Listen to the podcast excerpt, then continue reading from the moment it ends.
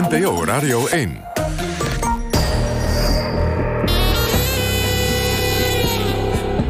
Argos. Onderzoeksjournalistiek van Human en de VPRO. Erik Arends. Goedemiddag en welkom bij Argos. Het lijkt een filmscenario. Een politie-infiltrant die diep doordringt in een criminele organisatie... en vervolgens aan zijn lot wordt overgelaten.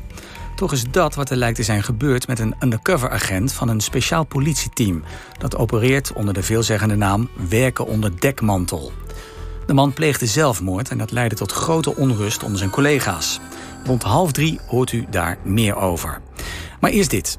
Het aantal daklozen in Nederland is hoog. Zo'n 36.000 volgens de laatste cijfers van het Centraal Bureau voor de Statistiek. Onder hen zijn veel jongeren. En waarom dat zo is en wat dat voor de betrokkenen betekent, heeft u het afgelopen jaar kunnen horen in onze serie Buitengesloten van Argos-redacteuren Joline Kramer en Remy van den Brand. Inmiddels is ook staatssecretaris Paul Blokhuis van het probleem doordrongen.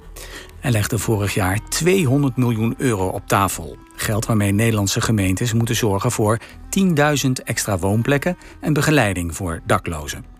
Gemeenten mogen zelf bedenken hoe ze dat willen aanpakken. Maar één ding staat vast: die 10.000 plekken die moeten er nog dit jaar komen. Gaat dat lukken? We vroegen het aan twee mannen die het kunnen weten. Bert Frings, voormalig wethouder in Nijmegen... en oud-Tweede Kamerlid Leen van Dijken. Zij trokken namens de staatssecretaris het land in... om te checken of de gemeenten zich een beetje aan die afspraken houden. Die bezoekjes leidden tot een advies dat Van Dijken en Frings... deze week naar de informateur stuurden.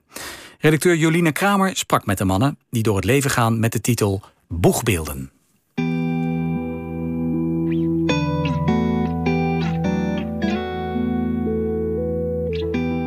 Eerst even boegbeelden. Wat, wat, is dat? Ja, een boegbeeld is gelukkig een tamelijk ongedefinieerd begrip. Hè? Dus uh, er is niet een precieze taakomschrijving van dit mag je wel en dat mag je niet. Dat geeft ons de ruimte om uh, te doen wat in ons, en, en naar ons inzien nodig is. En dat betekent ook dat je je laat verrassen door wat je tegenkomt. Want wij kunnen niet van tevoren inschatten wat de problematiek precies overal is. En waar elke gemeente mee geholpen zou kunnen zijn. In de ene gemeente kom je dit tegen, denk je, wacht, dat moeten we aankaarten. Bij de andere corporatie hoor je die klachten waarvan je denkt, nou, dat is op te lossen, daar kunnen we achteraan. En nou ja, we zijn ook karakterologisch twee mannen die, hoe zeg je dat, de uitdaging wil aangaan om ongebaande wegen uh, te willen gaan. Ja, plat gezegd is onze opdracht, kijk hoe die plannen uh, die zijn ingediend, hoe die uh, vorm krijgen... en waar ze tegenaan lopen bij het realiseren. En haal die problemen op. Oké, okay. karakterologisch twee mannen die de uitdaging wel aangaan... om ongebaande wegen te gaan. Oftewel... Bert Frings, uh, boegbeeld voor het programma Een Thuis in Toekomst. Voormalig wethouder in de gemeente Nijmegen... En negen jaar geweest. En in die periode ook heel uh, druk bezig geweest om namens de VNG met beschermd wonen en maatschappelijke opvang. De VNG? De Vereniging Nederlandse Gemeenten. Dat was ik vertegenwoordiger in het overleg met het kabinet over deze onderwerpen en over de maatregelen. Dus je bent al heel lang bezig met dat probleem van dak en Ja, nog veel langer. Want ik heb uh, in mijn eerste huwelijk uh, tien jaar lang crisispubers in huis gehad als pleegouder. En dan uh, zie je in heel veel, moet ik je zeggen. En er komt nog heel veel bekends in terug. Met de poot in de modder? Nou ja, toen wel. Nou, ik ben Leen van Dijken en uh, eveneens uh, boegbeeld namens uh, VWS, BZK en SZW. Dus de drie ministeries die hierbij betrokken zijn. Ik ben hiernaast voorzitter van Stroomstellingenvereniging... die zich bezighoudt met het verduurzamen van bestaande woningen... namens corporaties, gemeenten, bouwers, toeleverende bouwindustrie. En daarvoor was ik tien jaar lang lid van de staf van... een van de grootste bouwconcerns van Nederland, Volker Wessels... En daarvoor was ik fractievoorzitter in de Tweede Kamer van de ChristenUnie. En het leuke is dat wij elkaar heel erg aanvullen. En Leen zit aan die bouwkant en heeft daar heel veel verstand van. En ik zat meer in die zorgkant. Uh, en gezamenlijk kunnen we dat hele trein bestrijken. En moet ik dat dan voor, zo voor me zien dat u gemeente ook controleert? Dus dat u langs gaat bij een gemeente en kijkt van... nou ja, maar in uw plan, u heeft zoveel miljoen gekregen in uw plan staat dat u dit, dit en dat gaat doen. U loopt niet helemaal op schema, hè? Ja, dat is wel een ding natuurlijk. Dus met andere woorden, we lezen die plannen... en we kijken wat daarin staat en vragen de wethouders... hoe staat het ermee? en dan, dan zie je dat op sommige plekken het ambitieniveau in de plannen iets hoger ligt dan dat in de realiteit zichtbaar wordt, dan hebben we het daarover. Waar ligt dat dan aan? Uh, en tegelijkertijd zie je ook, uh, er zijn plannen ingediend voor, nou wat zal het zijn, 4500 woonplekken. De bedoeling van het programma is 10.000 woonplekken. Dus er moet een tandje bij. En daarom gaan Bert en ik bij gemeentebesturen, corporaties, bouwindustrie langs om te kijken hoe kunnen we dat nou fixen. Die nog keer 5000 woonplekken erbij. De ambitie is uitgesproken door drie ministeries. Het ministerie van Volksgezondheid, Binnenlandse Zaken en Sociale Zaken. Om voor eind 2021 10.000 woonplekken te realiseren. Met begeleiding Ja. voor dak- en thuislozen. Met nadruk ook vanuit een opdracht vanuit de Tweede Kamer. Hè? Ja. Want het is de Tweede Kamer die met een motie eh, dit allemaal in gang heeft gezet. En gaan, gaan die woonplekken er komen? Nou ja, dat betekent dus dat Gaat dit lukken? als je dat wilt laten lukken, je dus extra dingen moet doen om uh, tot dat aantal te komen. Er, er, is dus nu nog te vaak ongebruikte potentie aanwezig. Maar kunt u ja of nee uh, hierop uh, antwoorden? Nou ja, als er dus niks extra's gebeurt, gaan we dat gewoon niet halen. Dat is zo klaar als een klontje. En ook als er wel plannen voor woonplekken zijn, gaat het lang niet altijd van een leien dakje. Er zijn nu al signalen dat er om uitstel wordt gevraagd in de zin van mogen we het ook later realiseren omdat we dingen op de weg tegenkomen die we niet hadden voorzien. Bijvoorbeeld nou, een gemeenteraad die een discussie begint van doen we dit wel of doen we dit niet. Terwijl het plan uiteraard is ingevuld uh, door het college en ingediend. En iedereen zei ja, dien het plan maar in. Maar als het dan gaat over op die plek, dan gaat opeens de gemeenteraad roepen van hoe kan dat wel, wilde, hè, dat kan gebeuren. En dan heb je opeens een vertraging te pakken. Nou ja, en als in het plan staat van we gaan in die en die wijk gaan we, dat, uh, gaan we zoveel wooneenheden of woonplekken realiseren, dan moet de wethouder, nadat dat plan is ingediend, in samenspraak met die wijk, inspraakronde, verzin het maar, tot overeenstemming komen met die wijk. Nou, als daar breed verzet blijft leven, heeft dat absoluut vertragende werking op de ingediende plannen. En dan zou het ook nog zomaar kunnen zijn dat er geen akkoord komt. En dat dus het plan wel kansrijk was, maar uiteindelijk niet kan doorgaan. Goed, werk aan de winkel. Voor nog niet de helft van de gewenste 10.000 woningen zijn concrete plannen. En dan moeten die daadwerkelijk worden gebouwd. Gelukkig zijn daar Leen van Dijken en Bert Vrinks... met hun gezamenlijke kennis van de ambtelijke en politieke wereld... woningbouw en zorg. Nou, laat ik gewoon een willekeurig uh, voorbeeld nemen... waarbij je de, laten we zeggen, de verbinding ziet tussen gemeenten, corporaties en bouwindustrie. Wij spraken met gemeentebestuurders en wij opperden van... er zullen toch wel locaties zijn hier in de stad of in het dorp... Uh, waar je zegt van nou, daar gaan de komende jaren vast nog uh, plannenmakerijen overheen... maar voorlopig liggen die locaties nog uh, braak... of zijn voor een andere bestemming in gebruik. Wat voor locaties? Kunnen wij bijvoorbeeld zo'n... Ja, het kan nou, een bedrijventrein zijn wat niet vol is. of een nieuwbouwwijk ligt in de plannen... en die wordt fasegewijze ingevuld... Nou, ja. dan weet je dat fase 7 pas over 12 jaar aan de beurt komt. Maar wat doe je er dan in die loop van die 12 jaar mee? Laat je het gewoon liggen als weiland? Ja, of, of maak je er gebruik van? Of maak er dan uh, gebruik van voor een tijdelijke functie. Nou, en dan hoorde je bij wethouders, ja, dat, dat hebben we wel aan gedacht. Maar ja, dan krijg je van die containers en dat wil je ook niet. En uh, dat is hartstikke duur, want die schrijf je in 15 jaar af. Ja, dan krijg je die ASO-woningen. Ja, hè, dus, dus daar was verzet tegen. En die business case klopte ook niet. Nou, dan ga je met de bouwindustrie spreken en dan zie je dat er verplaatsbare woningen te maken zijn... die een exploitatieperiode van 50 jaar kennen...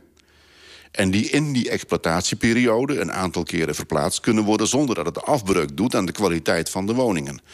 Je kunt van een woonruimte van 25 of 35 vierkante meter... kun je in ene keer ook een eensgezinsvoorziening uh, maken. Hè. Dus dan zie je dat als je dus daar samenspant met gemeenten, corporaties en bouwindustrie... tot oplossingen kan komen die nu niet vooraan lagen. En het bijzondere wat je daarin ziet... is dat er eigenlijk weinig kennis is over het realiseren van zo'n uh, zo'n optie. Ja, want de, de, wethouder zorg is bezig met dak- en thuislozen... en die denkt niet na over flexibele woningen bij, uh, bij wonen. En bij wonen zijn ze bezig met het realiseren van uh, huizen... En ja, denk... dat is tegelijkertijd ook wat Bert terecht zegt een belangrijk probleem. Corporaties uh, wordt gevraagd door de gemeenten om, zodra er nieuwbouwwijken komen... om daar een x-percentage sociale woningbouw in te plegen. En de gemeenten en de corporaties zijn buitengewoon ingenomen met het feit dat ze dat samen kunnen realiseren. Maar tegelijkertijd zie je dat, dat wat er gerealiseerd wordt... niet per se zijn basis vindt in een adequaat woonbehoefteonderzoek. Want als je een woonbehoefteonderzoek zou doen... en je gaat dat bouwen wat uit het onderzoek blijkt... dan wijkt dat sterk af waar projectontwikkelaars mee komen. Waarom? Omdat een projectontwikkelaar toch heel snel op zoek gaat... naar de meest optimale business case. Lees het hoogste rendement. Dan concessies moet doen omdat hij anders geen vergunning krijgt... dan moet hij sociale woningbouw eh, plegen. Maar in dat programma wat hij realiseert... is niet vanzelfsprekend meegenomen dat er ook doelgroepen zijn... bijvoorbeeld dakloze jongeren of uh, dakloze, uh, economische daklozen enzovoort... dat er ook doelgroepen zijn waarvoor het erg voor de hand ligt... dat je dat in je programma meeneemt.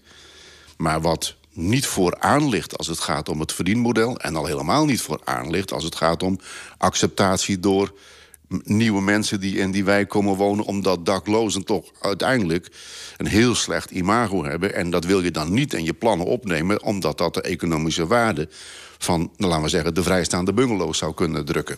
En kunt u zeggen in hoeveel gemeenten dit speelde, dit probleem? Of dit, waar deze oplossing die u zo nu net voorstelt... niet voor de hand ligt? Overal. Ja, je kunt beter vragen in welke gemeente speelt het niet. Nee, en de ene mindere mate speelt dan de andere mate. Maar, maar het dwingende karakter van een woonbehoefteonderzoek... dat dat de maat is van wat je gaat realiseren... dat hebben we eigenlijk nergens aangetroffen. Nee, en, En- en, en- en wat Leen dan vooral bedoelt, in woonbehoefteonderzoek kun je op twee manieren doen. Hè. Je kunt aan eh, burgers vragen, wat denkt u dat er nodig is? Je kunt een statistisch onderzoek doen eh, vanuit de demografie. Maar je moet vooral ook kijken, welke doelgroepen zitten daar standaard niet in. Ik ken weinig dak- en thuislozen die in een woonbehoefteonderzoek meegenomen worden. En vaak weten we niet eens hoeveel er in die regio rondrollen. Dat is iets wat Joline en ik ook constateerden toen we begin vorig jaar aan verschillende gemeentes vroegen hoeveel mensen, en dan met name jonge mensen, er binnen hun grenzen rondzwierven. We kregen een weerwar van schattingen en definities. Keiharde cijfers over het aantal jongvolwassenen zonder dak boven hun hoofd kregen we niet. Wat we hoorden is dat met name jongeren zonder thuis tegen allerlei regels aanlopen als ze proberen zichzelf te redden. Een voorbeeld. Jongeren van 18 tot 21 jaar krijgen in principe een extra lage bijstandsuitkering, omdat er vanuit wordt gegaan dat ouders hun kinderen financieel kunnen onderhouden. Maar die ouders zijn niet altijd in beeld. Ik ben het helemaal met je eens dat voor de jongeren er veel meer moet gebeuren. Voor de jongeren moet je ook een volwaardige uitkering kunnen krijgen. Want je kunt met het geld wat je als jongere in de bijstand nu krijgt... kun je niet, gewoon niet wonen en kun je helemaal niet leven. Maar kijk, ik denk dat het belangrijk is dat je adequaat vaststelt... het Nibud heeft daar uitgebreid Ja. onderzoek naar gedaan... adequaat vaststelt van wat is er nou minimaal nodig... om te kunnen leven, en jezelf te kunnen huisvesten en dergelijke. En dat dat de maat der dingen is en niet... wat vinden wij nu maatschappelijk aanvaardbaar om eh, nu in te verhogen en zo. Nee, we moeten realistische eh, uitkeringen en minimumloonhoogtes vaststellen. Waarom? Omdat als je dat niet op een adequaat niveau brengt... niet alleen de sociale schade en recht en billijkheid in het geding is... maar zeker ook grote maatschappelijke kosten om die... laten we zeggen, die schade die daar wordt aangericht... om, om die eh, eh, op te lossen. Een ander voorbeeld van een regel die kan verhinderen dat iemand een dak boven zijn hoofd krijgt, is de kostendelersnorm. Mensen in de bijstand kunnen op hun uitkering worden gekort als ze hun woning delen met een volwassene van 21 jaar of ouder. Mensen die dak- en thuisloos zijn, als die een tijdje rust hebben gehad... kunnen ze weer aan hun toekomst werken. Dan ontstaat er rust en dan kun je van daaruit weer verder. Nou was dat mijn eigen ervaring als pleegouder bij crisispubers ook. Drie maanden rust, drie maanden kijken verder... en dan konden ze na een half jaar echt weer verder. Maar als ik in de uitkering zit en ik neem iemand een jaar in huis... moet ik een ontheffing hebben. Want anders krijg ik een korting op mijn uitkering. Nou, die angst alleen al zorgt ervoor dat er een heleboel mensen niet toe bereid zijn. Ouderen die eh, in een grote woning wonen en zeggen... Ja, ik zou er best iemand bij willen hebben. Wat, wat doet dat met mijn AOW? Of wat, eh, wat, wat gebeurt er dan? Nou ja, dan zie je dat allerlei regeltjes die we hebben, hebben, gemaakt... ervoor zorgen dat eh, dit soort projecten heel ingewikkeld worden. En dan kan zo'n gemeente wel zeggen van... bijvoorbeeld die bijstandsnorm, eh, eh, die kostendelersnorm in de bijstand... die stellen we even buiten werking. Dat gebeurt ook, hè. daar hebben de gemeenten de bevoegdheid toe om dat te doen. Maar dan heeft dat niet zijn doorwerking op landelijke regelgeving. Dus dat betekent dat bijvoorbeeld zo iemand zijn huursubsidie kwijt is. Of in elk geval uh, lagere huursubsidie uh, krijgt. Dus er uiteindelijk alsnog op inlevert. Dus er alsnog ja. op inlevert. En dat is de reden dat we ook in dat advies hebben opgenomen. Als nou een gemeente een ontheffing geeft van de kostendelersnorm... laat dat dan ook doorwerken in landelijke regelgeving. Zodat huursubsidie in stand blijft. Want zo iemand levert een bijdrage aan het oplossen van het aantal dak- en thuislozen. Een vraagstuk.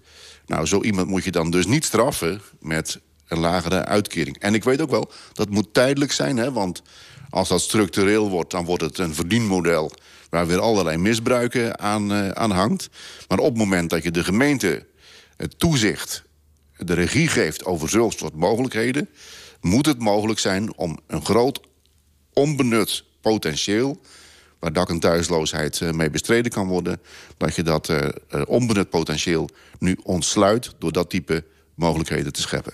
En in de praktijk, hoe pakt dat dan uit voor... voor ja, dat iemand dus geen korting krijgt... en uh, gewoon uh, zijn toeslagen ontvangt, zijn bijstand ontvangt... en wel iemand opvangt in huis voor, voor maximaal een jaar. Dus bijvoorbeeld een uh, alleenstaande mevrouw die een, uh, een jongere dan. Uh, dat zou kunnen, ja, ja, ja. Wat ik nog wel even wil zeggen is dat wij ook zien dat bij uitstroom uit instellingen er veel misgaat. Hè. Je kan bij kortgestraften uit de gevangenis, die komen vaak uit de gevangenis zonder inkomen, zonder woning en dan is het kassa hoorden we ook in ons onderzoek naar dak- en thuisloosheid onder jongeren. Dat jongeren op hun achttiende ja, eigenlijk uit de jeugdzorg, uit de jeugdzorg komen. Ook er, iets... Het spuugzat van zijn dat anderen de baas over hun spelen. Ja. Eh, vervolgens een jaar lang aan het rondhopsen zijn en dan erachter komen. Ik heb een groot probleem. Wat wij adviseren is dat er eigenlijk geen jongere op zijn achttiende de jeugdzorg uit mag gaan... zonder dat er een fatsoenlijk plan ligt of dat we weten wat de route is. Wordt al jarenlang geadviseerd, hè? Wat ja, u zegt. Eh, eh, en nu moet je dus niet beginnen op de dag dat iemand 18 wordt... of een week van tevoren, wat ga jij volgende week doen? Maar moet je eigenlijk op de 17e al een plan gaan maken... hoe ga jij uitstromen? Maar dat is, dat is eigenlijk niet nieuw wat u zegt. Nee, dat is zeker niet nieuw. Maar er is heel veel niet nieuw. En dat is ook de reden waarom we uh, in, in de aanbevelingen... in de richting van de informateur... een, een dikke streep zetten onder handhaven van regels. Dus dat betekent dat we aanbevelen om iemand, een instantie, een instituut uh, aan te wijzen die toeziet op het naleven en het nakomen van dingen die we hebben afgesproken met elkaar. En die tegelijkertijd in een soort ombudsmanachtige rol bereikbaar is voor mensen die rechthebbende zijn als het gaat om opvang uh, of uh, begeleid wonen of anderszins en niet aan hun recht kunnen komen. Dat die zich ergens kan melden als een soort uh, meldpunt, of het klinkt zo'n negatieve meldpunt, maar een, een, uh, een klokkenluidersachtige omgeving waar je zegt, nou, daar kan die terecht. En dan heeft dat instituut of die instantie of die persoon heeft doorzettingsmacht om in te grijpen en iemand aan zijn recht te helpen of een scheefgegroeide situatie te helpen rechttrekken. U, u pleit eigenlijk voor een ombudsman voor dak- en thuislozen en mensen die te maken hebben met dak- en thuislozen. Zeker eh, ombudsman met doorzettingsmacht. Dus die ook op handhaving kan toezien. Ja, ombudsman als, maar tegelijkertijd inspecteur.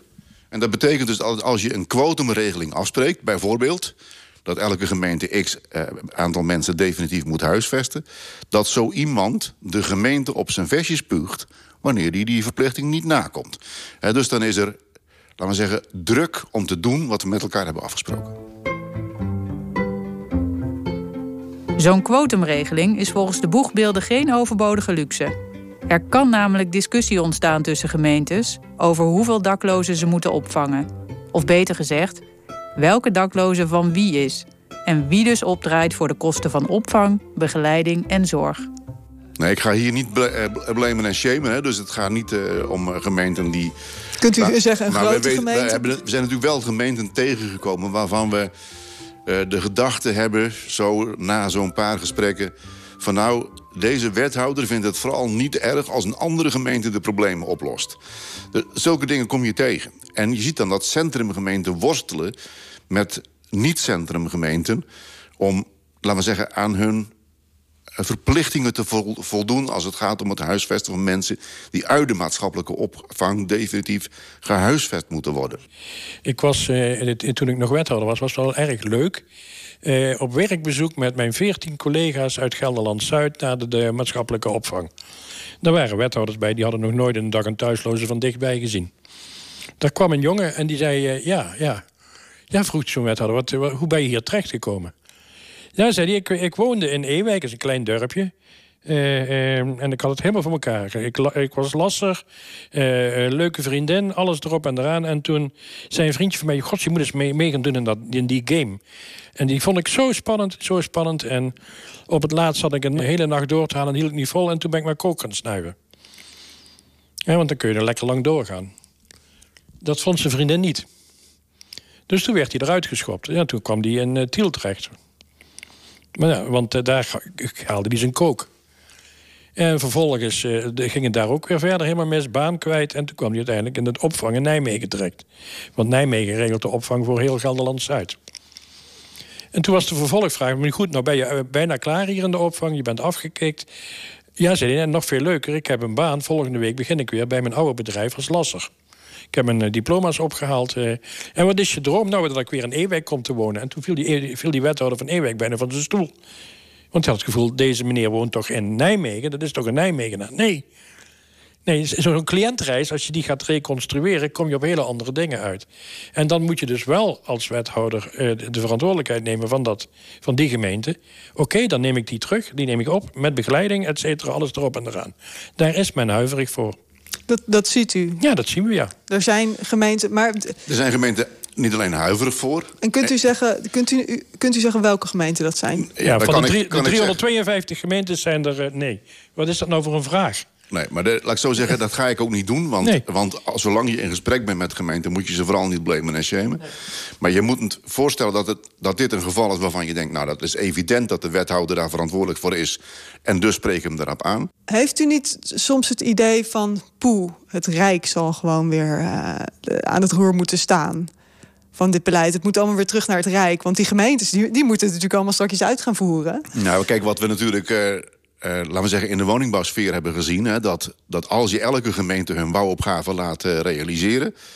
dat er dan, ehm, nou, laten we zeggen, krenten uit de pap worden gepikt...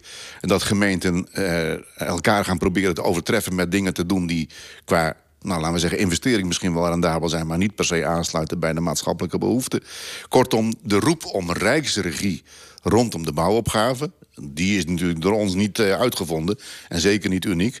maar wordt breed gedragen dat dat er nu weer moet komen. En het lijkt me buitengewoon onwaarschijnlijk... dat we straks niet weer gewoon een minister van Volkshuisvesting eh, eh, krijgen. En, en dat zou ook nodig zijn om deze dingen te regelen. Dus ik denk dat de roep om meer rijksregie op onderwerpen... Uh, niet uit de lucht komt vallen. We zijn een beetje doorgeschoten naar dingen door te schuiven naar gemeenten hen te vragen dingen te doen, dus verantwoordelijkheid te nemen voor dingen, zonder dat we daar de zeggenschap ook hebben uh, uh, gehouden. Dus, ja, en, en, zonder dat we de middelen daarvoor hebben. Meer rijksregie dus. Maar er is nog één laatste ding dat de boegbeelden van het hart moet. En dat gaat niet over regels of geld, maar over beeldvorming. Nou, wat we met elkaar eh, natuurlijk voortdurend bespreken... dat is dak- en thuislozen. En ik denk dat heel weinig mensen zich realiseren... dat het een buitengewoon divers gezelschap is. Uh, je hebt natuurlijk het bestaande stigma van... Uh, dat zijn overlastgevende dronkaards of heroïneverslaafden... of kookverslaafden, uh, gokverslaafden... die bij nacht en ontij met veel lawaai op de portiek onveilig komen maken. Die zijn er, daar moeten we niet voor weglopen. Maar veruit het leeuwendeel van de dak- en thuislozen... dat zijn mensen die een, een regulier bestaan kenden... dat kwijtgeraakt zijn... En, en ja, niet weten waar ze heen moeten. Uh, we hebben het aantal uh, scheidingen in Nederland is natuurlijk tamelijk hoog. De gevolgen daarvan voor mensen die een woonplek verliezen is groot. Het antwoord dat we daarop hebben is uh, niet afdoende. Dat zijn mensen die totaal geen overlast geven... die ook eigenlijk geen begeleiding zouden hoeven... die niet in de maatschappelijke opvang thuis horen...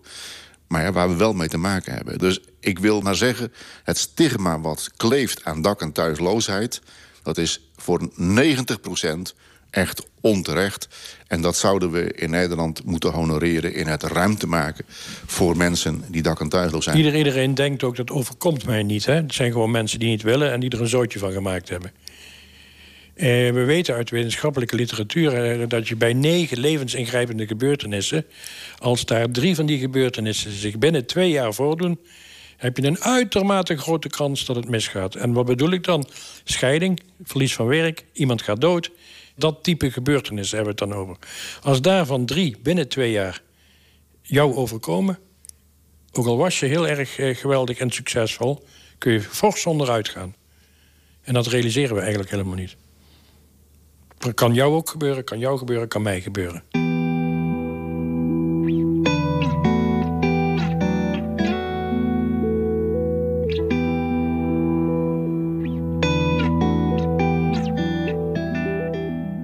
Ja, iedereen kan dus dakloos worden. Een belangrijke boodschap van Leen van Dijken en Bert Vrinks... in gesprek met Argos-redacteur Joline Kramer.